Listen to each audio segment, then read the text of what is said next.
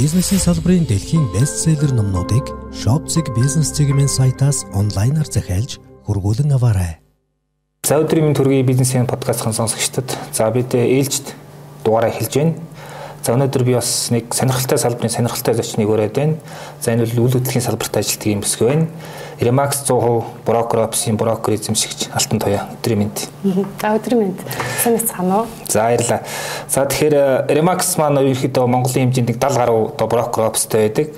За Remax 100% брокер офис нь бол энэ дундаа ер нь одоо нэгж агентийн гүйцэтгэл бүтээмжээрээ ер нь Монголд тэргүүлж явдаг юм хамт олон байгаа. За тэгээд үл хөдлөх бол бас амттай салбар гэж ярьдаг. Сүүлүүч би чиг сонирхоод байгаа. Тэгэхээр өвдөрт бол ярих зүйл бол их гарах байхаа гэж бодож байна.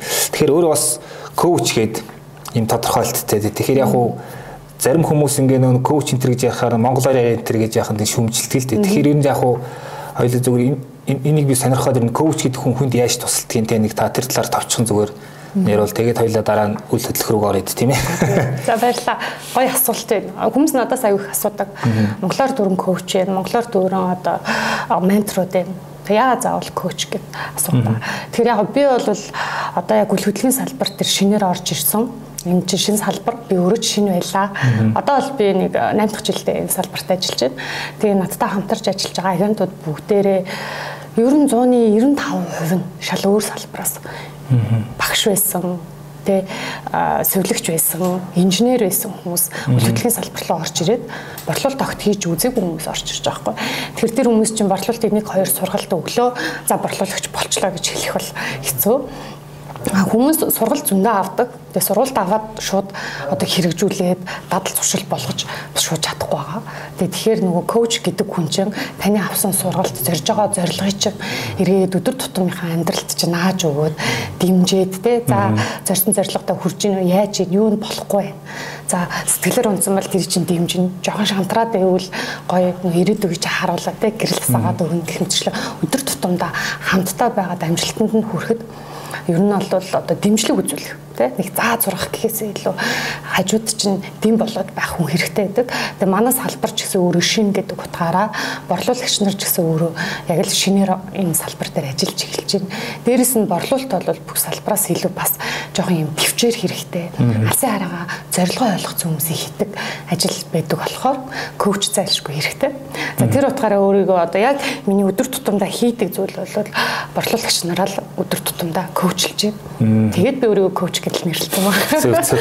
Үйл хөдлөлийн коуч юм тий. Тэгэхээр сая хэлсэн шиг үйл хөдлөх бол яг уу надтай уулсан бизнесмен ч ярьдагт үйл хөдлөлт бол маш олон салбар одоо боломж байгаа тийм хязгааргүй боломж байгаа гэдэг Монголд бол одоо дөнгөжл хөгжиж эхэлж байгаа гэдэг. Тэгэхээр өөрөө яг энэ салбартай анх холбогдохсон тэр түүхээсээ товч ярил юу нь одоо таныг тэгтлээ дурлууч татав тийм ээ. За сонин одоо гэдэг санамсруу явж байгаа энэ салбар руу орсон. Одоо би бол одоо 8 дахь жилдээ ажиллаж байна. Тэгэхээр 8 жилийн өмнө манайх интерьерийн бизнес байдаг. Гэр бүлийн. Тэг гэр бүлийн интерьерийн бизнесийг хийж явж байгаад Remix хамгийн анхны франчайз офисын зургийг зурсан. Интерьер зургийг. Тэгээд олон улсын франчайз орж ирж байгааг мэдсэн. Тэгвэл хөдөлгөөний талаар ямар ч ойлголтгүй байсан.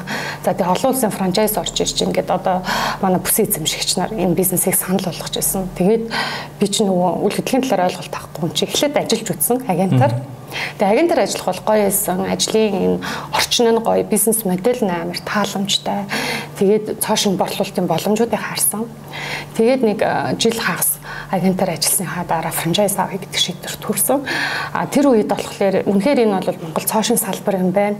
Энэ салбарт эвтхэн орсон хожих юм байна. Инээс илүү оройтх юм бол хожимдох юм байна гэж бодоод ер нь яг цаг нь болсон гэж бодоод тухайн үед шийдвэр гаргаж ирсэн. Тэгэхээр одоо 5 жилийн өмнө хэвгүй. Аа Одоо манай франчайз чинь 5 5 жилийн хугацаантай тий. Би сая энэ он гараад дараагийн 5 жилийнхаа франчайзыг сунгаад байна. Тэгээд ингээд үйл хөдлөлийн салбарт бол 8 дахь франчайз эзэмшээд бол 6 дахь жилтэй. За тэгэл жил болгонд миний нөгөө анх агентаар орж ирэл оо хөдөлгөөний салбар гоё гэдэг үйсэн бодол жил хагасын дараа за брокер нэг цаг хугацаа одоо ингэхгүй бол ер нь жоохон хожимдно гэдэг мэдрэмж төржсэн бол ингээд 5 жил франчайз эзэмсний дараа за ямар зөв салбар зөв цагт орцсон юм бэ те? Одоо дүнгиж эхэлж байгаа юм биш үү гэдэг ингээд жил болгондоо дахин дахин мэдэрчдэг те? Тэгэхээр нөгөө анх 8 жилийн өмнө харж исэн хараа 3 жилийн өмнө харж исэн хараа жил ирэх тусам улам бүр тэлээд боломжууд нь илүү том юм байна гэдгийг л мэдэрч байгаа Тэгэхээр нэг юм үүдэх чинь борлуулалт хийгдэг бол одоо юу ч тохиолдохгүй гэдэг нэг тийм хин чиллээд бас би санахгүй байна. Тэгэхээр нэг одоо бэлэн мөнгөний усгал байхгүй ер нь бизнесээр хаашиж явахгүй тий. Тэгэхээр яг одоо ингээд франчайз эзэмсээ 5 жил болж байгаа гэж яг энэ салбарт ягаад баг 8 жил тий. Тэгэхээр энэ хугацаанд яг дий борлуулагч хэрэгцээг нь хинбэ гэдэг тал дээр танд ямар тийм одоо юу гэдгийг зарчим ойлголтууд ер нь нэг тийм ихтгэл өмшил бий болсон бай. Ер нь борлуулагч хүний гол одоо юу гэдгийг одоо мэдлэг ур чадлын хүрээч гэх юм. Энэ яг тэр талаар ямар дүгнэлт хийсэн юм талаар. Ер нь бол одоо зөвхөн үйл хөдлөгч гэлэхгүй борлуулалт бол айгүй би урд нь бол бас анзаардгүй л гэж. За борлуулалт бол энэ бизнесийн бүх бизнесийн хөдлөгч хүч юм байна. Борлуулалт авахгүй бол бид хичнээн мундаг одоо юу гэдэг контент бэлдээд хэрэг алга. Хичнээн мундаг бүтээгдэхүүн үйлдвэрлээд борлуулалт байхгүй бол энэ бизнес өөрөө стратеги байгаад явахгүй тий. Тийм. Борлуулалт авахгүй бол энэ бизнес цаашаа явахгүй байхгүй. Тэгэхээр борлуулалт гэдэг бол аль салбарт борлуулагч бол бизнесийг хөдөлгөж байгаа хүч гэж би хардаг. Аа Миний хувьд бол яг энэ борлуулалт руу орж ирээд сүүлийн 5 жил дандаа шинэ агентуудыг борлуулагч нарыг ажлын ярилцлага хийгээд за энэ салбар руу ороод ирэх гэсэн хүмүүсийг ажлын ярилцлага хийгээд а чи чадах юм байна чадахгүй юм байна гэдгийг ингэж ангилж ялгаж хараад те за чадна гэд ороод ирсэн хүмүүсийг тодорхой хугацаанд дэмжиж олон янзын хэлбэрээр дэмжиж ажиллах гэж үзэж байна. Тэгээд мэдээж борлуулалтаа аягүй олон ур чадруудын тухай ярьж болно л да харилцаа хандлага одоо төсвөр төвчээр гэл одоо бүх зүйлүүд тэгэл юу гэдэг эерэг өөдрөг байдал гэл энэ бол зөндөлөө хэрэгдэж байгаа. Тэгээ би бол юу анзаарсан бэ гэхэлэр хинч борлуулалт хийж чадах юм байна. Гэтэ хамгийн гол нь хүсэл авах хэвээр, зорилго авах хэвээр. Би одоо ажлын ярилцлага хийгээд хүмүүсээс юу хардаг вэ гэхэлэр чин хүсэл байна уу? Хөдлөлийн салбарт орж ирээд борлуулалт хийх чин хүсэл байна уу? Чи өөрөө ажиллаад мөнгө олно гэдгийг зорж гин үгүй гэдгийг л хардаг. Хичнээн мундаг дипломтой, хичнээн мундаг одоо яриа хөрөөтэй байлаа гэд өөрөө ажлыг гэсэн хүсэл авахгүй, эсвэл зоржоо зориг байхгүй үед бол амжилттай борлуулалт хийж чадахгүй хүмүүсээ харахаар. Тэгэхээр би борлуулагч хүнд байх ёстой. Ингээд нэг хувь хүний чадварууд суралцах ёстой энэ чадваруудаас гадна хамгийн чухал зүйл бол зорилгоо тодорхойлсон зоржоо зүйлээ мэддэг баг алсын хараатай байх. Тэгээ тэр нь өөрийнх нь ихтгэл үнэмшил нь бодтой байх нь айгүй чухал гэж харж байгаа. Тэр утгаараа одоо манайх ингээд би бол агентуудтайгаа хасчил тутамдаа уулзаж зорилгын нэрийг сануулад алсын харааг нэрийг сануулад тэгээд энэ зорилгоо гол нь төлөвлөгөө болох хэвээр Тэгээ төлөвлөгөөнийхөө гүйцэтгэлийг ойрхон ойрхон хянах хэрэгтэй. А тэгэхгүй бид нар жилийн өмнө зорилго тавьдаг. Одоо нөгөө оюутны ухаарлын 7 хоног гэж шүү дээ. Яг семестрийн шалгалт болох болонгод 7 хоног хичээлээ хийгээл шалгалтаа өгдөг. Дипломын яг ихний одоо сүүлийн нэг сард нь диплом авчдаг шиг хүн болгоны л хандлага ихэнх нь тийм байгаа байхгүй. Тэгэхээр бид нэр зорилготой хүрэхийн тулд жилийн зорилго тавьсан, хагас жилийн зорилго тавьсан, 5 жилийн зорилго тавьсан бол өнөөдөр хийх ажил маань л тодорхой ах хэрэгтэй. Бүх зорилгыг гаргаж ирээд тэрийг хяндаг байх юм бол За өнөөдөр би хийх ёстой юмаа хийж чадаагүй бол маргааш ядаж хичээхээ мэдээд байна шүү дээ. Тэгэхээр богино хугацаанд энэ гүйцэтгэлээ хянж чадах чадварыг энийг суулгах, энийг мэддэг байх нь борлуулагч нарт одоо би баг тэр харилцааны чадвар одоо юу гэдэг бусад энэ нөгөө negotiate хийх скил тэ зах зээлийн мэдлэгээс илүү хамгийн номер 1 чухал зүйл юм гэж харж байна. За хоёр дахь зүйл бол яг нь манай салбарын хувьд ч тэр дандаа шинэ хүмүүс байдаг. Өөр салбраас бид түрүүнд хэлж энэ эмнэлгийн салбраас юу гэдэг инженер хүн энэ төр борлуулалт хийх гээд ороод ирсэн. Энэ хүмүүс борлуулалтын тухай ойлголт авахгүй. Манад нөгөө яг борлуулагч бэлтдэг сургалт дигри байхгүй шүү дээ. Биш одоо юу гэдэг дипломтой байхгүй шүү дээ. Тэгэхээр чин борлуулалт гэдэг за яг хөө энийг зарах юм байна л гэж ойлгож орж ирээд байна. Гэтэл борлуулалт гэдэг чинь аюу тодорхой юм системийн дагуу явж байгаа. Маш одоо ер нь бол борлуулалт гэдэг бол маш энгийн зүйл гэж хэлэх юм да. Basic business байхгүй юу? Чи өнөөдөр юу хийх ёстойгоо хийж л аваад үр дүн гардаг. Би бол агентуудад шинэ агентуудад ялангуяа хичээлдэг. Чи өдөрт 30 дуудлага. Сард чи 4 сая төгрөгийн орлого олохыг хүсэж байвал хамгийн ихний даалгавар өдөрт 30 дуудлага. Чиний ярианы уур чадвар ямар ах нь уу, дуу хоолой ямар ах нь бол хоёр дахь асуудал. Хүнтэй уулзаад тэр хүнийг яаж хатгах гэж гинүү, тэ? Тэр хоёр дахь асуудал. Хамгийн эхлээд чи 30 дуудлага Тэгжиш 4 сая төгрөг бол чиний чадвараас үл хамааран баталгаатай орлого юм аа. Үйл хөдлөлт бол манай борлуулалт бол одоо яг би бол сүүлийн үед sales funnel гэдэг ингээд сургалтаас хүссэн ганц нэг хүмүүст өгөөд байгаа. Өөрийнхөө офис агентуудад бол тасралтгүй өгч байгаа. Борлуулалт гэдэг бол аюу тодорхой зүйл байхгүй. Чи чи яг ийм хэмжээний хандлтыг аваад энийхээ ур чадваруудыг одоо хандлтаас эхлээд гүйлгээ болтол энэ бүх процессоо бүртгээд хянаад өөрийгөө хянаад явж явах хэвээр энэ бол борлуулалтын үндсэн техник буюу одоо борлуулалт борлуулагч хүний заавал мэдчих хэвээр боловсрал байгаа байхгүй. Тэгэхээр хамгийн багадаа энэ боловсралуудыг мэдж хахад хүн борлуулалт хийхэд бол боломж зөндөө байна. Тэгээ мэдээж энэ бүх процесс хувь хүний нөгөө хандлага, харилцаа тэгээд нөгөө борлуулалтын шат болгон дээр хувиргаж байгаа ур чадваруудыг бол нэгэнт өөрөө юмаа бүртгэхэд хараа явж байгаа хүмүүс л одоо энэ шат болгон дээр өөрийнхөө ур чадваруудыг сайжруулах явчихна. Тэгэхээр нөгөө гарч байгаа нийт бүтээмж маань нэмэгдэл явчихна. Тэгээ яг би яагаад ингэж хэлээд байна гэхэлэр үлгэдлийн салбарт ажиллаж байгаа одоо ингээд бүртгэлтэй бүртгэлгүй 2000-ад хүн байгаа. Би аюу олон хүмүүстэй уулзж байна. Аюу олон хүмүүстэй хамтарч байна. Борлуулалт гэж юу вэ гэдгийг мэдэхгүй хүмүүс аюу их байгаа. Тэгэл орж ирэл байр зарна гэдэл аюу хичээгэл ажиллаж байгаа хүн хичээд ажиллана шүү дээ. А гэтэл хийж байгаа зүйлээ бас өөрөө зөв ойлгоогүй хүмүүс чинь дунд нь шантарч байна. Буруу хийж байна. Юун дээр алдчихж байгаа мэдэхгүй. Тэгээ хүн юунаас болж шантарч ийн юунаас айж ийн гэхэлэр тодорхой бус байдлаас болоод айж шантарч байгаа байхгүй. Тэгэхээр нөгөө борлуулалтынхаа онлыг мэдхгүй хүн чинь хийж байгаа зүйлээ заримдаа зөв ч юм хийгээд аа буруу ч юм хийгээд аа мэдхгүй тий. Надад буруу байна уу? Эсвэл тэр харилцагчаас ч юм уу буруу хайгаал тэгээд явцын дунд нөгөө процессыг гүйцэд ойлгоогүй хүн чинь замд нь шантарч чинь, замд нь эргэж чинь. Ийм кейсүүд бол зөндөл байна л да.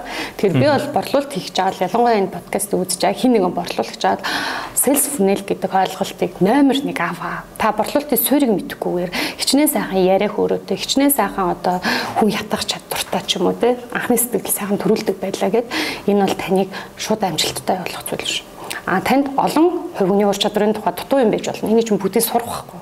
А хамгийн гол нь та эхлээд зорилгочин тодорхой тэгээд борлуулалт гэдэг зүйл яаж явтыг бэ гэдгээ одоо онлын хувьд гэдэг юм уу юу гэдэг те мэддэг байх хэрэгтэй. Sales бүнэлгэснээс одоо бас нөгөө нэг худалдаа авалтын замнал гэдээ байдаг шүү дээ. Баяр жуурнэ гэдээ ярьдаг те одоо ингээд а тэр одоо бүтээгдэхүүн үйлчлэгээ болгон дээр ер нь байдаг. А үйл хөдлөлтөөр бол бүр амар нь чухал яригдах уу. Ягаад тэгэхээр чинь амьдралдаа хийж ганцхан том худалдаа авалт те одоо тухайн хүний яг нь сүүлийн үед зарим нь хөрөнгө оруулах зорилгоор худалдаж авч явах шиг. Гэхдээ л ерөөдөө амьдрах гэж яадаг те. А яг үйл хөдлөлтөөр тэр одоо юу гэдгийг тэр худалдаа авахчийг боломжит худалдаа авалчийг шийдвэр төрөх тэр процесс ер нь бол бас бас нэлээд одоо адармаатай шүү дээ тий. Яг тэр ер нь яаж явагддаг яг тэн дээр борлуулагч нэг одоо юу гэдгийг шилдэг борлуулагч нар яаж ажилтдаг тал дээр гэж яах тодорхой жишээ жишээ ч юм уу тий ерөнхийдөө процессын талаас нь хариул. Ер нь бол одоо яг таны хэлдгээр хөдлөлийн худалдаа авалт гэдэг бол хүмүүс маш нухацтай хийж худалдаа авалт тий гараа дэлгүүрээс талах автагтай адилхан эсвэл одоо гар утас сэтгэлийн өрлөөрөө гар утас ингээд соли шин модель гарчлаа гэд гар утасаа солидгоос арай өөр арай илүү хариуцлагатай, арай илүү нухацтай шийдвэр гаргадаг юм шийдвэр байгаа. Тэгээ энэ шийдвэрийг бол харьцангуй удаан гаргадаг бусад бараа бүтээгдэхүүн зарч чадаа. Тэгэхээр энэ бүх цаг хугацааны туршид борлуулагч харилцагчтайгаа хамт авах хэрэгтэй харилцагчтай хамт байханд бол тэр хүнийг ойлгох хэрэгтэй, таних хэрэгтэй. Тэгээ энэ чинь аюу их цаг хугацаа. Манай борлуулагч нар бол идэвхтэй ажиллаж байгаа борлуулагч нар бол дунджаар нэг өдөрт За ер нь 50 дуудлагатай идэвхтэй ажиллаж байгаа хүмүүс авч байгаа байхгүй. Тэгэхээр тэр 50 дуудлага болгоны артлыг бид нар тэр хүн болгоныг таньж мэдээ цаг гаргана гэдэг бол хэцүү санагддаг. Нэг нүггүй хэлэхэд манай салбарт ажиллаж байгаа олон хүмүүс бол одоо энэ 50 дуудлагыг зөвхөн яг боломжтой өнөөдөр бэлэн мөнгөтэй байна ч юм уу те ярьж байгаа яриа арай бодтой хүмүүс дээр ажиллаад бусдыг хайчаад байна л та. Амар харамсалтай. Бүгдийг бүртгэх ёстой бүгдэн дээр нь ажиллах хэрэгтэй. Гэхдээ хүн болгон дээр арай өөр өөр стратегтэй.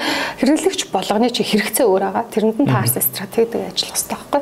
Тэгэхээр энэ стратеги зөв мэддэг байх юм бол харилцагчийг бүх одоо борлуулалт хийх одоо анх сонирхсоос нь ахуулаад тэг гүлээ их хүртэл нь хамтдаа байж тэр хүний хэрэгцээ шаардлагыг мэдэж тэр хүнд яг тохирох үйл хөдлөлийг бүтээгдэхүүнийг санал болгоно. Аа энэ хугацаанд худалдаа авахч чинь эсвэл байраа заруулах чаа хүн нөгөө агенттай итгэл гэдэг зүйл үүснэ. Энэ хүн энэ агент энэ ажлыг хийж чадаад байна тасралтгүй эрэх холбоотой байна. Миний төлөө санаа тавиад байна. Зүв зүйл зөвлөөд байна гэдэг энэ итгэлийг энэ харилцааны явцад өгч идэг. Тэгэхээр одоо ингээд агентуудыг харахаар манайх ч гэсэн ингээд агентуудаа тасралтгүй хөгжүүлдэг. 7 хоног болгон бид нар Remax дотроо байгаа эсвэл гадаа одоо өөр зурчил дээр ажиллаж байгаа шилдэг агентуудыг авчирч туршлагаас нь хуваалцдаг, тий яриулдаг агентуудаа сурах гэж Тэгэхээр тэндээс харагдаж байгаа нийтлэг зүйл бол бизнесээ ойлгочихж байгаа тийм. Энэ байр авах чааж, зарах чааж, харилцагч бол бид нарын номер 1 анхаарлаа хандуулах хэрэгтэй хүн юм аа. Энд гүйлгээ хийгээд мөнгө авах нь чухал биш харилцагчид сэтгэл дүүрэн одоо үйлчлэгээ үзүүлэх өөрөөр хэлбэл итгэлийн олж авах нь чухал юм а гэдэг ойлгох зүй хүмүүс илүү амжилттай ажиллаж байна. Дээрээс нь нөгөө юу хийх ёстойгоо ойлгох зүй хүмүүс учраас ажил нь тодорхой Тэ тэрэндээ түүрдэхгүй, шамтрахгүй. Яагаад гэхээр ингээд том зургаар нь одоо цаасан дээр бурлалт гэдэг процессыг хараад байна л да. Тэгэхээр юм айгу тодорхой. Тэгэхээр за яг үйл хөдлөх ингээд худалдаа давчлаад худалдаа авах штэ. Гэхдээ одоо ямар ч одоо юу гэдгийг бүтээгдэхүүнчлэгийн дээр нөгөө нэг юм худалдаа авалтын дараахад үйлчлэгээ гэдэг ч юм уу те. Тэр хүн яг тэр худалдаа авалтаа сэтгэл хангалуун байх уугүй юу гэдэг чинь бас одоо зуучлах хүмүүсийн бас чухал яригдэн дээ. Яг энэ яг юу гэдгийг энэ үйл хөдлөхийн зуучлалын бизнес тэр юу яаж энэ явагддгийг те яг тэр дараа нь тэр худалдаа авахч хэрэг сэтгэл хангалуун байна гэдгийг нь яаж анхаардаг тэр систем нь яаж ажиллаж байна. За тэгэхээр ер нь бол яг Remax-ийн бизнес модельд бол агент бол үйл хөдлөлийн борлуулалт хийж бие даасан бизнес эрхлэгч байна. А тэгээ байр авах чагаа зарах чагаа хүмүүс л агентийн өөрийнх нь харилцагч байгаа. Тэгэхээр энэ харилцагчтай доктортой харилцаа үүсгэж чадж байгаа агентуудад дараа дараагийн юм одоо нэг гүйлгээний урсгал гिचлгүүд харилцагч нар өөрөө ихтгэлцлэр ороод ирдэг. Энийг бол бид referral гэж нэрлэдэг тийм. Одоо би жишээ нь танд аюу сайн би танд байр зараагүй гэж болно. Гэхдээ аюу сайн зөвлөгөө өгсөн тохиолдолд та дараагийн удаа эсвэл найз нөхөд чинь байр авах үед та намайг санал болгочдөг. Тэгэхээр одоо манай ер нь бол борлуулалтын дараах үйлчлэгээгээд бид нар бол мэдээж сэтгэл хангалуун харилцагчийг үлдээх нь чухал. Тэр харилцагчид нөө гарын бэлэг өгөх гэхээсээ илүү. Энэ борлуулалтын бүх процесс дээр сэтгэл хангалуун тэгээд энэ агент үнэхээр мэрэгжлийн үйлчлэгээ үзүүлээд тусалж байгаа юм. Юмаа мэддэм юм. Одоо тэгээд надад туслах одоо хандлага сайтай мэн гэдэг энэ итгэлийг төрүүлэх их нь одоо хамгийн чухал. Энэ итгэлийг төрүүлж чадж байгаа ангиудад бол тасралтгүй одоо юу гэдэг өөрт нь итгэлцэлтэй харилцагч нартай. А танд итгэцэн харилцагч бол илүү богино хугацаанд хурдан гүйлгэнүүд хийгддэг. Ер нь бол үйл хөдлөлийн бизнес одоо цаг хугацааны бизнес гэж би ярих дуртай. Энэ одоо агентаар орж ирж байгаа хүмүүсийн хамгийн хэцүү хугацаа бол эхний 6 сар. Хамгийн их ажил нь хамгийн бага орлоготой. А тэгсэн мөртлөө дараа дараагийн саруудад таны хийх ажил магадгүй багассан ч гэсэн орлого чинь нэмэгдчихэд. Яагаад гэхээр танд итгэсэн харилцагч нарын тоо тэнд нэмэгдэж ах хэвээр. Тэр тохиолдолд бол анх бол хоёулаа дөнгөж танилцал би таны итгэлийг олж авахд магадгүй надад 3 сар хэрэгтэй бол танаар дамжаад тийм та намайг зөвлөсөн харилцагч бол за энэ алтан цай их сайн үйлчлэлт юм а гэлцсэн харилцагч бол магадгүй тэр хүнд би нөлөөлөх чадвар бол 2 3 дахин илүү байдаг. Одоо тэгээ манай харилцаа яаж явж байгаа гэхээр үл хөдлөлийн салбарт ер нь хоёр төрлийн харилцагч нар байна л да. Нөгөө байраа заруулах чаа талаас яаж юм гэхээр нэг удаа өөрийнхөө байрыг зарад зарж байгаа хүмүүс байгаа. Энэ хүмүүст бид нар үнэхээр одоо үйлчлэгийг мэрэгжлийн төвшөнд буюу мэдэх ёстой зүйлээ мэддэг үйлчлэгээ бүтэн хүргэж чадах юм бол дараа дараагийн харилцагч нарыг бид нар санал болгож өгдөг. Ийм харилцагч нар одоо надад зөндөө байдаг те. Эн чинь бол би эн чинь 8 жил болчихоор чи. За ингээд нэг байр авах зарах хүн байлаа гэхэд аа манай тэнд нэг найз байгаа холбоотой гэдэг явдаг. За хоёр дахь төрлийн харилцагч нар нь болохоор барилгын салбарын байгаа. Одоо бол миний ингээд сүүлийн 3 4 жилийн харилцаж байгаа барилгын салбарын харилцагч нар гэхээр барилгын одоо develop хийдэг те барилга бүтээн байгуулалт хийдэг компаниуд байгаа байхгүй. Тэгэхээр энэ төсөл дээр намайг ажилуулаад дараагийн төслөө санал болгоод ажилуулах чинь за борлуулалтаа хариуцаарай. За тэнд энэ байршил дээр би газар авчлаа яаж юм борлуулалт нь үнэн хитээр гарах ойролцоогоор гэж байна. Одоо тэгээд э, бид нар бол одоо ингээд энэ жилийн хувьд бол дахин төлөлтөй 2 3 төсөл дээр орж ирж байна. Гэтэл бид нар борлуулалт бол одоо эцсийн худалдаа авагч байр зар э, эцсийн худалдаа авагчид байр зарахаар бид нар шимтгэлийн орлого авдаг. Гэтэл ийм нөгөө байнгын харилцагч нар дээр бол надад дор хаяж нэг 4 5 сарын өмнө миний ажил эхэлчихэж байгаа тэгээ судалгааныхаа ажлыг хийж байна. Сая одоо бол бид нар нисгтэр нэг дахин төлөлтөө юу төсөл дээр ажиллаж байна. Энэ дээр ажиллаж байгаа хоёр агент маань жишээ нь 2 сард айл хийзээ. Одоо борлуулалт өнгөж эхэлж байна. Тэгээ 2 сард айл хийзээ. Энэ дахин барилгачдын төсөл учраас барилга дотроо байсан нөгөө хуучин оршин суугчдтай шинээр гэрээ шинэ барилгынхаа нөгөө шинэ барилга дээр метр квадрат олгоно шүү дээ. Тэр гэрээг хийх, тэр бичиг баримтуудыг бүрдүүлэх энэ төр гэдэг ажил руу ороод эхэлж байна. Тэгэхээр нөгөө зөвхөн одоо юу гэдэг борлуулалт хийсний дараа биш те борлуулалт хийхээс өмнө ч гэсэн байна тэр үйлчлэгнүүд явж идэг. А ихтгэлцэл үүссэн дараа бол ингээ ер нь бол за 100% биш юм аа. 90% та найдаж чинь те концепц найдаж чинь зохион байгуулалтаа найдаж чинь үн ханшаа найдаж чинь төлбөрийн нөхцөлийг яаж гаргуул өнөөдөр зарагдах юм. Тэгээ борлуулалтаа бүхэлд нь ингээ даатгаад явж байгаа.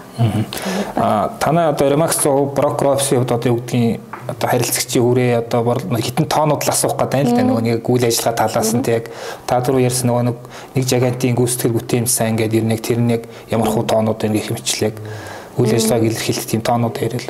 За манайх бол яг бид нарт листийн тоо гэж ярьдаг л да манай дээр үйл хөдлөх заруулах гад гэрээ. Тэгэхээр манад бол одоо яг идэвхтэй ажиллаж байгаа 34 5 агент байна. Нийт офисын хэмжээнд. За тэгээд бид нар нэг 500-аад үйл хөдлөх төр ажилладаг. За энэ дээр бол 500-аад үйл хөдлөх гэдэг нь бол 500 одоо орон сууц юу гэдэг нь те одоо юнитууд байгаа.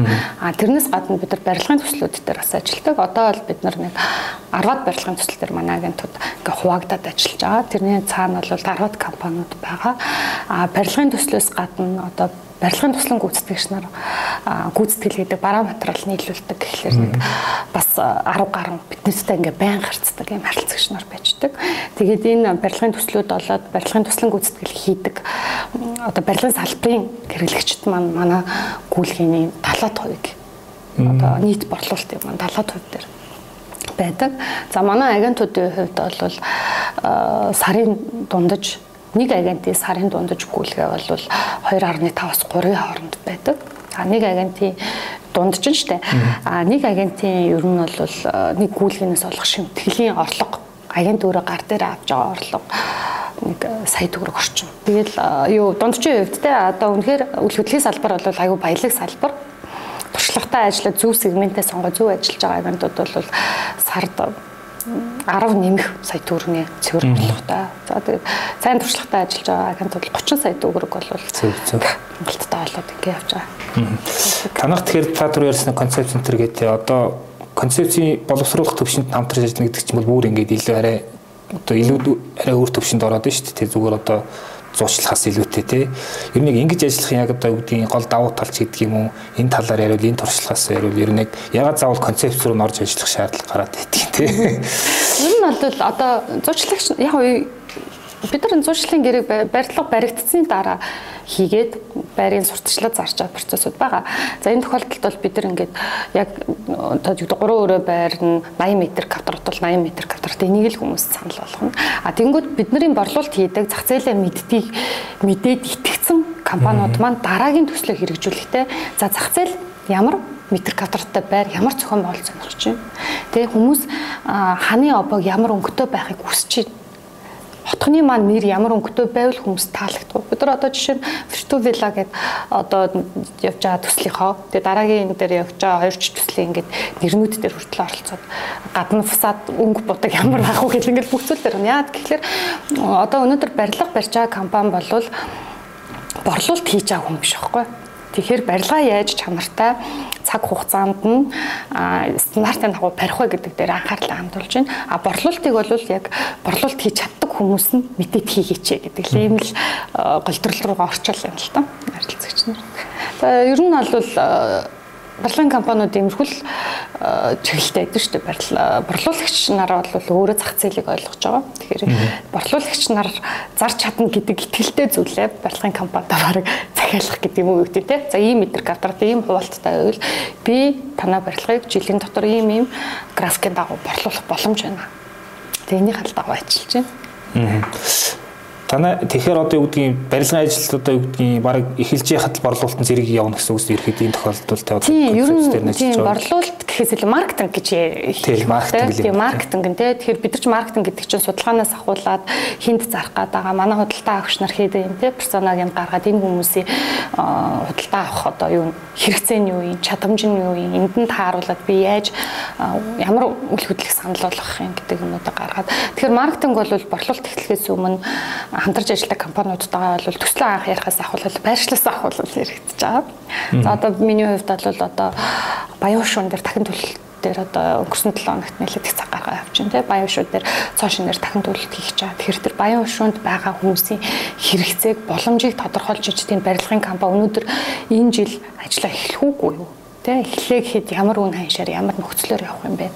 Барилгын компани хэдий хэмжээний хөрөнгө оруулалт босгож иж тэрнээс хойш би борлуулалтаас нь босгож өгч чадах юм бэ гэдэг тооцоолоо хийгээд би ихтгэлтэй юмаа хийгээд барилгын компаниг маань хараад болж гинэ гэж үзэл төсөл эхлэж байна. болохгүй байна.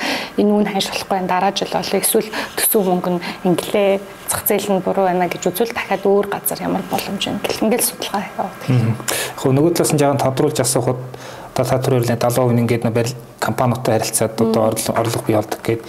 Ер нь яг барилгын компаниудын хувьд одоо Remax 100% Procrops яг өгж байгаа гол үнц нь яг юу вэ те тэднэрт одоо яг ямар асуудлыг яаж шийдэж өгöd нэгдэлт илүү тодруулж ярихгүй. Яг үнэ. Одоо байр заруулж байгаа хүмүүс ч гэсэн биш үү? Ганц байр нэг өөрийнхөө амьдарч исэн байрыг зарж байгаа хүн чинь яагаад зуучлагчд мөнгө өгөх ёстой юм бэ? Би энийг агентуудаа ингээд ялангуяа шинэ агентуудад сургалтын дээр заал хэлдэг байхгүй. Яагаад чамд хүн мөнгө ёстой гэж хариулж чадахгүй бол чи зуучлагч хийж чадахгүй. Одоо юу гэдэг 2 өрөө байр за 100 сая гэж бод. 100 сая төв 2 өрөө байраа заруулж авах хүн зучлалын шимтгэлд 2 сая төгрөг өгч байгаа байхгүй. Тэг яагаад чамд 2 сая төгрөг өгөх ёстой юм? Зөвхөн зар оруулсны төлөө өгч байгаа юм. Үнгүүдээр хинч зар оруулж чадна ш. Facebook дээр пост бичсны төлөө өгч байгаа юм. Эсвэл хуцаар яриад тэр байрны хаягийг зааж өгөөд эсвэл юу гэдэг хаалгын түлхүүрээр чойж ин онгоолгоод те энэ хоёр өрөө байраа гэж хэлсний чинь төлөө өгч байгаа юм. Энийн заавал хариулаа. Тэгэхээр барилгын компанич бай, хувь хэрэглэгч ч бай. Зуучлагчид яагаад мөнгө өгч байгаа гэхээр тэндээс бүтэн үйлчлэг авахын тулд зах зээл дээр ямар үйл хөдлөх зарагдаж байна, ямар үнээр хамгийн боломжтой, ямар дээд үнээр хамгийн сайн нөхцлөөр зарж болох вэ гэдэг зөвлөгөөг авсныхаа төлөө ер нь бол биднэрт мөнгө төлж байгаа. Тэгээ мэдээж тэр зөвлөгөөний дагаад тэрнийхэн дагуу гүйцэтгэлийг бид нар хийж байна. Тэгэхээр би шинэ агентуудад хамгийн түрүүнд хэлдэг зүйл бол ерөөсө судалгаа гэдэг зүйл таныг мэрэгжлийн болгож байгаа зүйл шүү. Мэрэгжлийн үйлчлэгээний төлөө мөнгө авч байгаа. Бид нар одоо жишээ нь ингээд шүд өглөө гэхэд хин дээр ч хамаагүй очиод шүдэ үзүүлэлт үзтээ те шүтний эмч дээр болж өгвөл таньдаг мэддэг хүнийхээ зөвлөсөн сайн эмч дээр очихыг хүсдэгтэй адилхан байраа заруулах чаа хүн ч гэсэн байр сайн зарч чадна мэрэгчлэн гэсэн хүн дээр очих хүсэлтэй байгаа. Тэгэхээр агент хүн яаж мэрэгжлийн болт юм бэ гэд би агентудаас асуудаг байхгүй. Тэгэхээр нэгдүгээр э, тэр зах зээлийг мэдчих хэвээр. Хоёрдугаар энэ борлуулалт гэж юу вэ гэдгийг мэдчих хэвээр. Би түрүүнд эхлэлээр хэлсэн те энэ зах зээл дээр байгаа шинээр орж ирж байгаа учраас хүмүүс мэдэхгүй аргагүй. Борлуулалт гэдгийг мэдэхгүй хүмүүс явж байна. Тэгэхээр борлуулалт гэдгийг мэддэг энийг хийж чаддаг хүнд л мэрэгжлийн үйлчлэгнийхэн төлөө мөнгө төлж байгаа маань. Яг энэ талбарт асуухад одоо үйл хөдлөх зуучлах бизнес маань Монголд одоо төлөвшөөд хөгжөөд нэг удаагүй хэдхэн жил болж байгаа тийм. Энтэй холбоотой нөгөө стереотип гэж янз янзын хөвшмөл ойлголтууд их байдаг. Тэр нь яг таны харж байгаагаар энэ салбарт одоо юу гэдгийг тийм ам бөхтэй байгаад байгаа тийм хөвшмөл ойлголтууд яг тийм өөрчилчмөр байгаа яг юу вэ? За ер нь бол худалдаа авч нар эсвэл байр заруулж байгаа хүмүүсийг зуучлал манайч шинэ учраас мэдхгүй шүү дээ. Тэгээ зуучлалын хөлс гээд 2% одоо зуучлалыг хөлсөнд өгж гин. Тэгээ өөрийнхөө зарах чаа үн дээр нэмээд өгөх юм уу, тэндээсээ хасаад өгөх юм уу гэдэг ойлголт байна. Тэнгүүд нөгөө зарахчсан байран дээр үн нэмжээ гэсэн юм нийтлэг ойлголт байгаа. Үнэхээр тэгжиж харагдаж байгаа. Гэхдээ бид нар нөгөө олон улсын чиг хандлагыг дагаал хөгжих нь тодорхой. Олон улсад бол үл хөдлөх борлуулахад 5-аас 7% дунджаар. 2% Монголд одоо 2% байна. Энэ бага байхгүй. 5-аас 7% байж энэ мэрэгжлийн үйл хөдлөх зурчлагт нь мэрэгжлийн төвшин сэтгэл хангалуун үйлчлэгийг өгч чадчихжээ. За тэгэхээр хүмүүс ингээд байр нь зарагдчихаар яах вэ гэж ойлгодог л доо зар тавилаа хүнд үзүүллээ нөгөө хүн авъя гэлээ хоёр хүнд үзүүлээ нэг нь авъя гэлээ зарчлаа гэж хараад ах шиг байгаа. Агентууд аюу олон байр зараад бүгднгээс нь 2 сая 2 сая 5 сая 5 сая төгрөг аваад байна гэд хараад ах шиг байгаа. Гэтэл энэ бүхний чард аюу их ажил байдгийг хэмж анзаардаггүй. За өөрөө байраа зарах гэж оролдоод нэг 3 сар 6 сар болсон хүмүүс бол бас ямар их ажиллагаа ордгийг бол өөрөө тодорхой хэмжээнд мэдэрдэг. А гэтэл үйл хөдлөлийн салбар дээр ажиллаж байгаа энэ агентууд маань олон сургалтууд авж гин, олон гүйлгээ хийх гэж оролдож гин. Тэр болгоно бүтлгүүд нь олон цагт хөгжирч гин. Олон хүнтэй уулзалт товлоод хүлээгээд нөө харилцагч нар нь ирэхгүй байна. Аюу их юм бэрхшээлтэй одоо процессуудыг давдаг аюух цаг хугацаа зарцуулдаг. Амралтын өдөр, ажлын цагийн дараа хүмүүст байр үзүүлж гин. Гэр нь зайсанд байхад баян шуу руу очиод эсвэл нөө цуслангийн бүс рүү очиод байш үзүүлж гин. Тэр хооронд ар гэр үр хүүхдээ орхиж гин. Амралтын өдөр гэж байхгүй ажиллаж гин манай зурчлагч нар. Зурчлагч нар хамгийн хитвэтэй ажилтдаг үеч ерөөсөө бас амралтын өдөр байгаа тийм. Харилцагч хизээ завтаа энэ тэр үед л ажиллах хэрэгтэй. Тэгэхээр ийм хэмжээний одоо хичээл зүтгэл гаргадаг цаг зарцуулдаг. А тэгээд энэ шууд борлогддог юм биш. А энэ ч уур чадвар хүмүүсийн итгэлийг олохын тулд бол маш их э, хэмжээний одоо юу гэдэг итгэлцлийг төрүүлэх нүгдийн танд туслах хэвээр зөв мэдээлэл өгөх хэвээр таны төлөө сэтгэл гаргах хэвээр таны байрыг байж болох хамгийн дээд үнээр зарах гэж оролдоно. Энэ болгон дээр чи сэтгэл шиндэг энэ зүйлүүдийг э, шингээж иж дараа нь тэр байр борлуулагддаг. Зүж агентууд одоо ер нь ингээд харахад нэг дунджаар 10 листэн дээр ажиллахад 2 л гүйлгээ олдог. Тэгэхээр 80% ажлынх нь үр дүн бол шууд гардаггүй. Гэхдээ энэ бүх ажлыг хийсний үндсэн дээр тэр хоёр байрыг зарж байгаа юм. Энэ бүх туршлагыг хуримтлуулсны үндсэн дээр тэр хоёр байрыг зарж байгаа. Нэг тийм нийтлэг ойлголт байгаад байдаг. Тэгээ миний хувьд бол одоо үйл хөдлөлийн салбарт мэдээж бид нар ч хууль авахгүй орчинд ажиллаж байна. За тэгэл хуульгүй байгаа зохицуулалт айгу ингээд адармаа зөвшөөрөл бол саяхан гарч ирсэн шүү дээ. Тий 20 оны дундаас хойш лицензийн олын дагуу тусгай зөвшөөрөлтэй компаниуд үйл ажиллагаа явуулж байна. Гэхдээ л нөгөө яг энэ салбарыг чинь зохицуулсан хууль алга байна. Тэгэхээр одоо энэ хууль дээр нөгөө хуулийн төсөл явж байгаа. За энэ дээр бол З дугаар гэдэг яригдж байгаа. Өөрөөр хэлбэл үл хөдлөх үе дугаартай байдаг шүү дээ. Тэгэхээр захиалгын гэрээ зээ дугаартай болно гэдэг зүйлийг энд ярьж байгаа. Та хэд зөндөл сонсож байгаа бах нөгөө баригдаагүй байрыг ингээд зархлаар давхурдсан байх. Тэгээ 2 3 хүнд дагмандсан байх энэ төрлийн тохиолдлууд байгаа шүү дээ. Тэгэхээр энийг зохицуулах одоо хамгаалт хийх баталгаажуулах худалдаа авахчийг хохирохгүй байх. Нөгөө талаасаа нөгөө барилгын компани туслан гүйцэтгэгч компаниудыг илүү хариуцлагатай байлгах хүнээс энэ боломжийг хуулиар одоо зохицуулаад ингээд оруулж ирж байна. Гэхдээ энэ бол бас яг энэ хуулиас гадна одоо өнөөдөр ч гэсэн бас тодорхой барилгын компаниуд хэрэгжүүлж болох юу эрх зүйн гаргалганд байгаа. Өөрөөр хэлбэл барилгын компани орон сууцныхаа одоо юу гэдэг каркасыг босцоглоо те 30% 40% 50% гүйцэтгэлтэй хахад дутуу барилгын гэрчлэгээ авч болдог. За энэ гэрчлэгээ үндэслээд захиалгын гэрээгээ баталгаажуулж болж байгаа. Улсын бүртгэл дээр. Ингээд ирэх юм бол худалдаа авахч нар маань а илүү найдварт одоо нөгөө үл хөдлөлийн гэрчлэгээ байж илүү ихтгэл үнэмшил төрдөг. Тэгэхээр захиалгын гэрээ маань өөрөө ингээд баталгаажаад ирэх юм бол ихтгэл үнэмшилтэй баталгаатай найдвартай борлуулалтууд хийгдэнэ. Тэ худалдаа авагч нарын ихтгэл үнэмшил нэмэгдснээрээ борлуулалт сайжирна. Барилгын компаниуд маань борлуулалт сайжирж иж энэ барилгын салбар ч өөрөө өсөж хөгжинэ. А нөгөө талдаа худалдаа авагч нар найдвартай борлуулалт хийн эрсдэлд орохгүй гэх мэтчлэн зүйлүүд байгаа л да. Тэгэхээр энэ зүйлүүдийг аль болох нөгөө бүх нийтээрээ илт одоо ойлгоод тий зурчил хийж байгаа хүмүүс маань энийг нас барилгын компанид зөвлөдөг, хилдэг хөдөлтөж өгдөг барилгын компаниуд манаас энэ зохицуултыг ашигладаг худалдаа өгч нар маань энэ талаар ойлголттой болоод тийм баталгаатай найдвартай гэрээ хийдэг ийм болчвол те бас их маш олон ийм борлуулалтуудын ард гарна. Энэ эргээгээд олон гэр бүлийг сайн нөхцлөөр орон сууцтай болгоно. Нөгөө талдаа Монголын энэ барилгын компани маань доктортой хөгжөхөд аюу том түлхэж болно.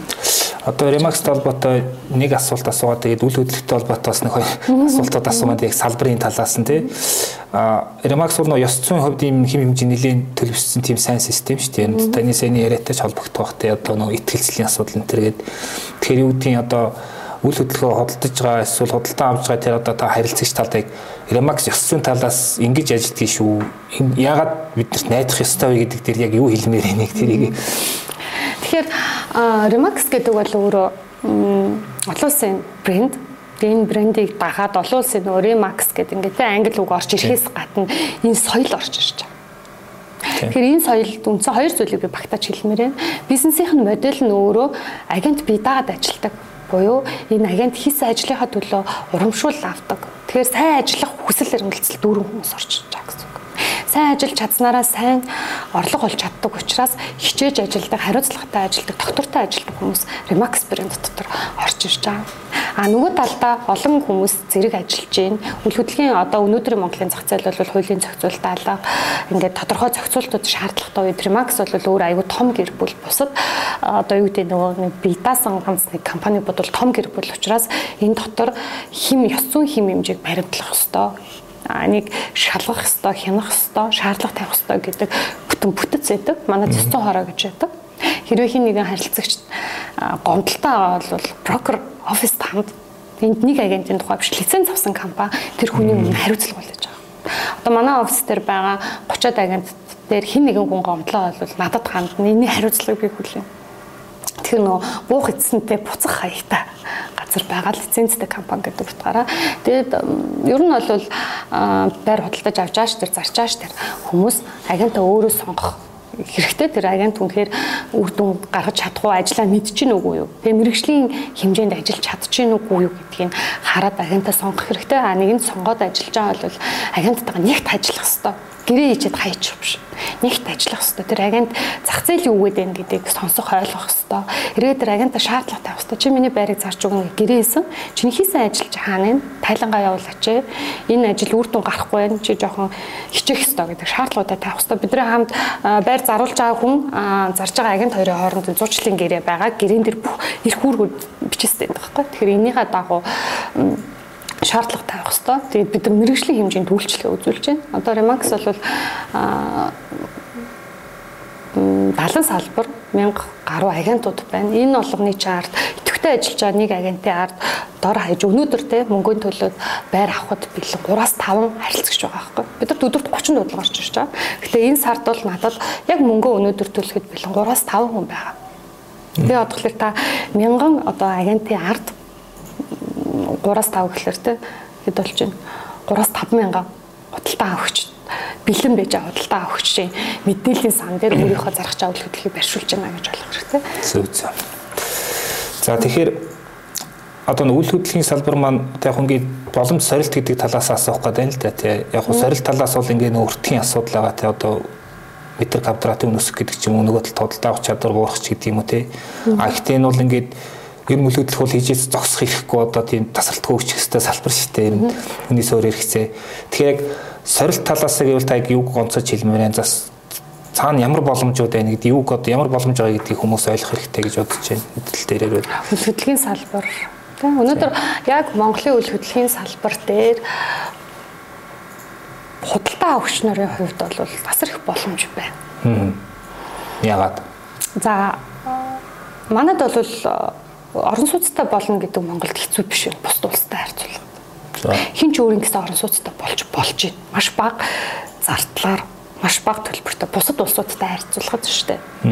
Тэгэхээр яа тэгэхээр барилгын салбар маань За 12 13 оны үед бол э, хятадын өрөнгө оруулалтууд манай барилга салбарт их байсан. Тэгээ барилга баригдлаа бол зарагддаг, барилгууд маш хурдтай баригддаг.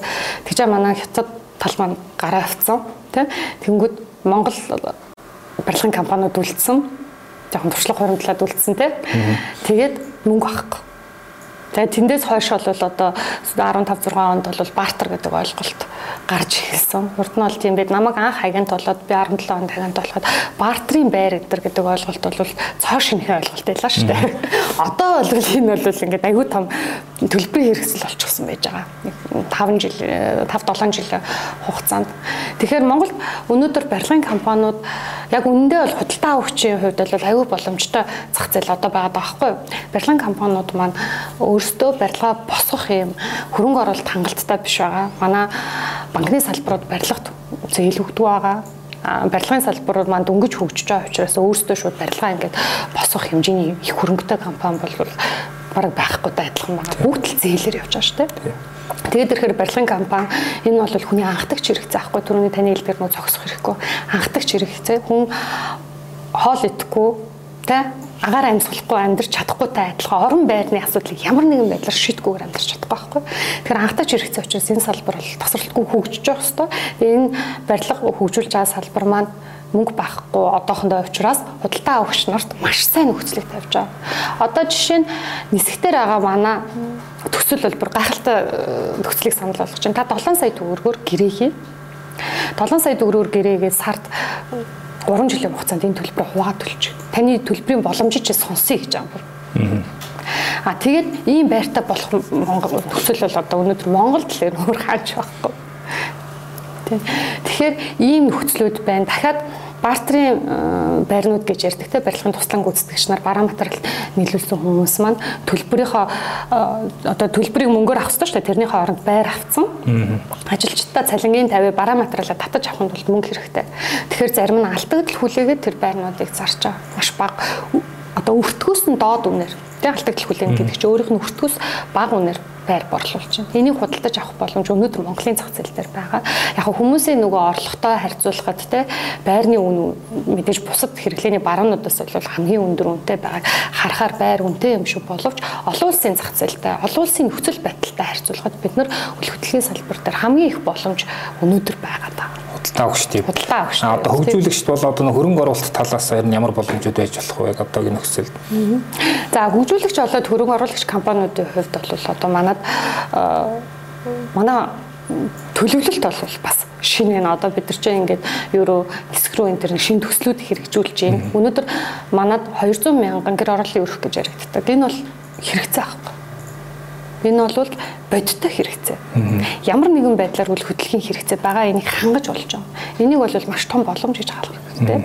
Дээрэс нь бид нар олон улсаас хөрөнгө оруулалт татах боломж байгаа. Монголын үл хөдлөлийн одоо за жишээ нь одоо ингэж ш нөгөө барилгын компаниуд ингээд суурнаасаа эхлэхдээ баг үнээр те одоо бол дунджаар нэг 2 сая хавцаа төгрөгөөр метр квадратын зарж ин ашиглалтанд орохоор 3 сая гарan болно гэдэг стандарт байрнууд хийж байна. Жил 2 жилийн өмнө бол метр квадратын сая 200 сая 800 гэдэг үнүүд байлаа.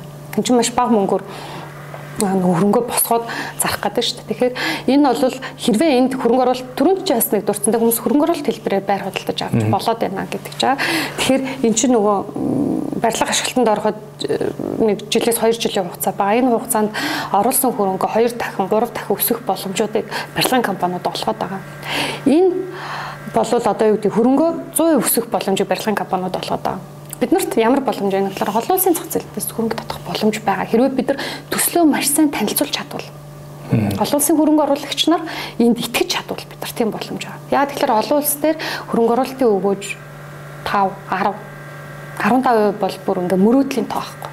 Гэтэл манад өнөөдөр бид нар худалдаа авахчдаа 100% ингээд хоёр дахин үнийг төсөх энэ боломжийг санал болгож байна. Тэгэхээр биднэрт бол хэрвээ бид нар төслөө зөв танилцуулж чадвал олон улсын зах зээлээс хөрөнгө татах бүрэн боломж байгаа. А Монгол бол өөрөө энэ үл хөдлөхөө бариад тавьчвал худалдаа авах хэрэгцээ байна. Тэгэхээр айгүй жижигхэн зах зээлтэй. Гэхдээ бид нар жижигхэн зах зээлтэй гаднаас жижигхэн хөрөнгө оруулалт авахд манай хувьд бол хангалттай хэмжээнд ингээд девелоп хийх боломж байгаа яг үйл хөдлөлийн салбарт ажиллаж байгаагийн хувьд энийг бол ингээд жил ирэх тутам олж хараад байна л да тий хүмүүс ингээл байрны үн нэмэгдлээ нэтэрэ гэл яг бүх л өртөг өсөж байгаа. Гэхдээ үл хөдлөх гэдэг бол өөрөө хүний нөгөө миний хэлдгээр анхдагч хэрэгцээ учраас энийг зөж зогсохгүй. А тэгээ дээрэс нь манайх бол нөгөө бүх түүхийд параметрлаа гаднаас оруулж ирж байгаа. Үйлдвэрлэгч болсон учраас бид нар бол үл хөдлөхийн үнэн дээр өөрсдөө хяналт авах чадамж авахгүй л сагаад байна. Одоогоор тий. Тэгээ н одоо зөвхөн цементийг жишээ нь ингээ өөртөө хянаад үнийг өсөхгүй байя гэж бодсон. Тэгээд өнгөрсөн жилийн кейсийг харахаар бид нар бол энийг бас л дотооддоо нөө хууль эрх зүйн зохицуулалт нь бүрэн болоогүй учраас хэн чадахгүй байгаа даа. Тэгээд өртөг өсөж чинь байрны үн өсөж чинь. За энийг ингээ далимдуулаад ер нь хэлэхэд тий. Хэрвээ та өнөөдөр жохон ч гэсэн мөнгөтэй бол үл хөдлөх рүү хөрөнгө оруулалт хий эргэлзэх хэрэггүй. Байрны үн өснө, нөхцөл байдал одоо маш одоо таатай нөхцөл байдал өнөөдөр байгаа. Хөрөнгө оруулалт хий 7 сая төгрөг өгөөд байртай болно гэдэг боломж өөр хааж байхгүй. 30 40 сая төгрөгөөр захиалаад байранда амьдарч байхдаа түрээсийн мөнгө төлөөд яв гэдэг саналуудыг барилгын компаниуд маань олгож чинь бид нар олгож чинь хамгийн гол нь энэ дээр зөв компани байгаа гэрээгээ хуцтай хий тэр дээр л анхаар. Бусдаар бол маш сайн боломжуудыг бити алдаарай л гэж хэлмээр байна. За баярлалаа. За тэгэхээр сүүлийн нэг асуулт одоо алтан туй гэдэг нь одоо энэ цаашд ер нь нэг хамгийн том зорилго ер нь за мөрөөдөл ер нь яг одоо одоогор юу вэ те цаар аваалцвал аа зөндөө олон юм мөрөдж байна. Өлөглөлийн салбар ч өөрөө ингээд цоошин салбар учраас маш олон төрлийн энэ бизнесүүд байгаа. Хүч хүрдэг бол бүгдийн л хэмээр юм гой.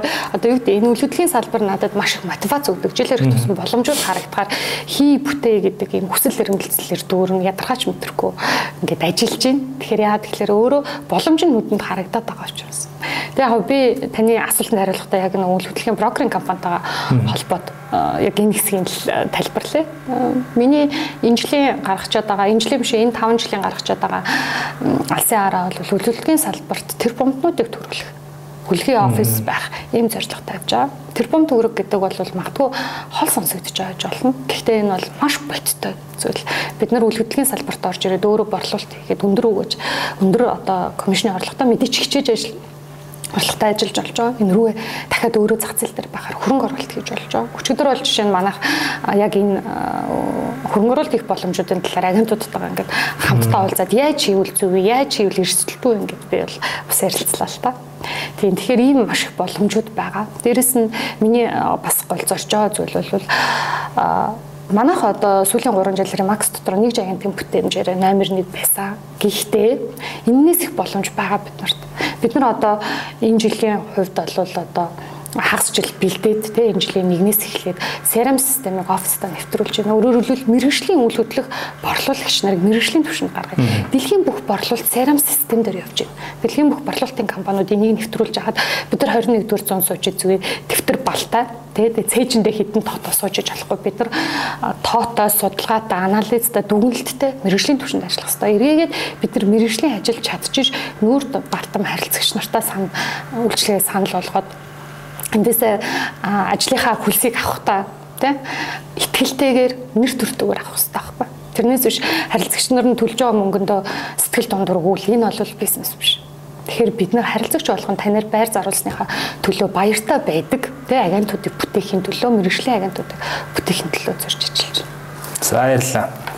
Тэгэхээр бүл хөдлөлт хөрөнгө оруулалт чинь coin хөрөнгө оруулахыг шал өөр шийд тийм. Coin дорсон мөнгнүүд одоо үйл хөдлөлөөр орсон байсан бол ашигтай яа тийм. За баярлалаа. За тэгэхээр бизнесмен подкастын энэ дугаарыг нүрээд өндөрлж байна. За маа зочноор Ermax 100% брокер офисын брокер эзэмшигч Алтан Туяа оролцлоо. Танд амжилт хүсье. За баярлалаа. Баярлалаа. Агуу бизнесүүд агуу хүмүүсийн гараар биш, агуу ажил хийдэг, эгэл жирийн хүмүүсийн гараар бүтээгдсэн байдаг. Майкл Гербер, эд хөргөдөл эргэн ирсэн нь номын хэсгээс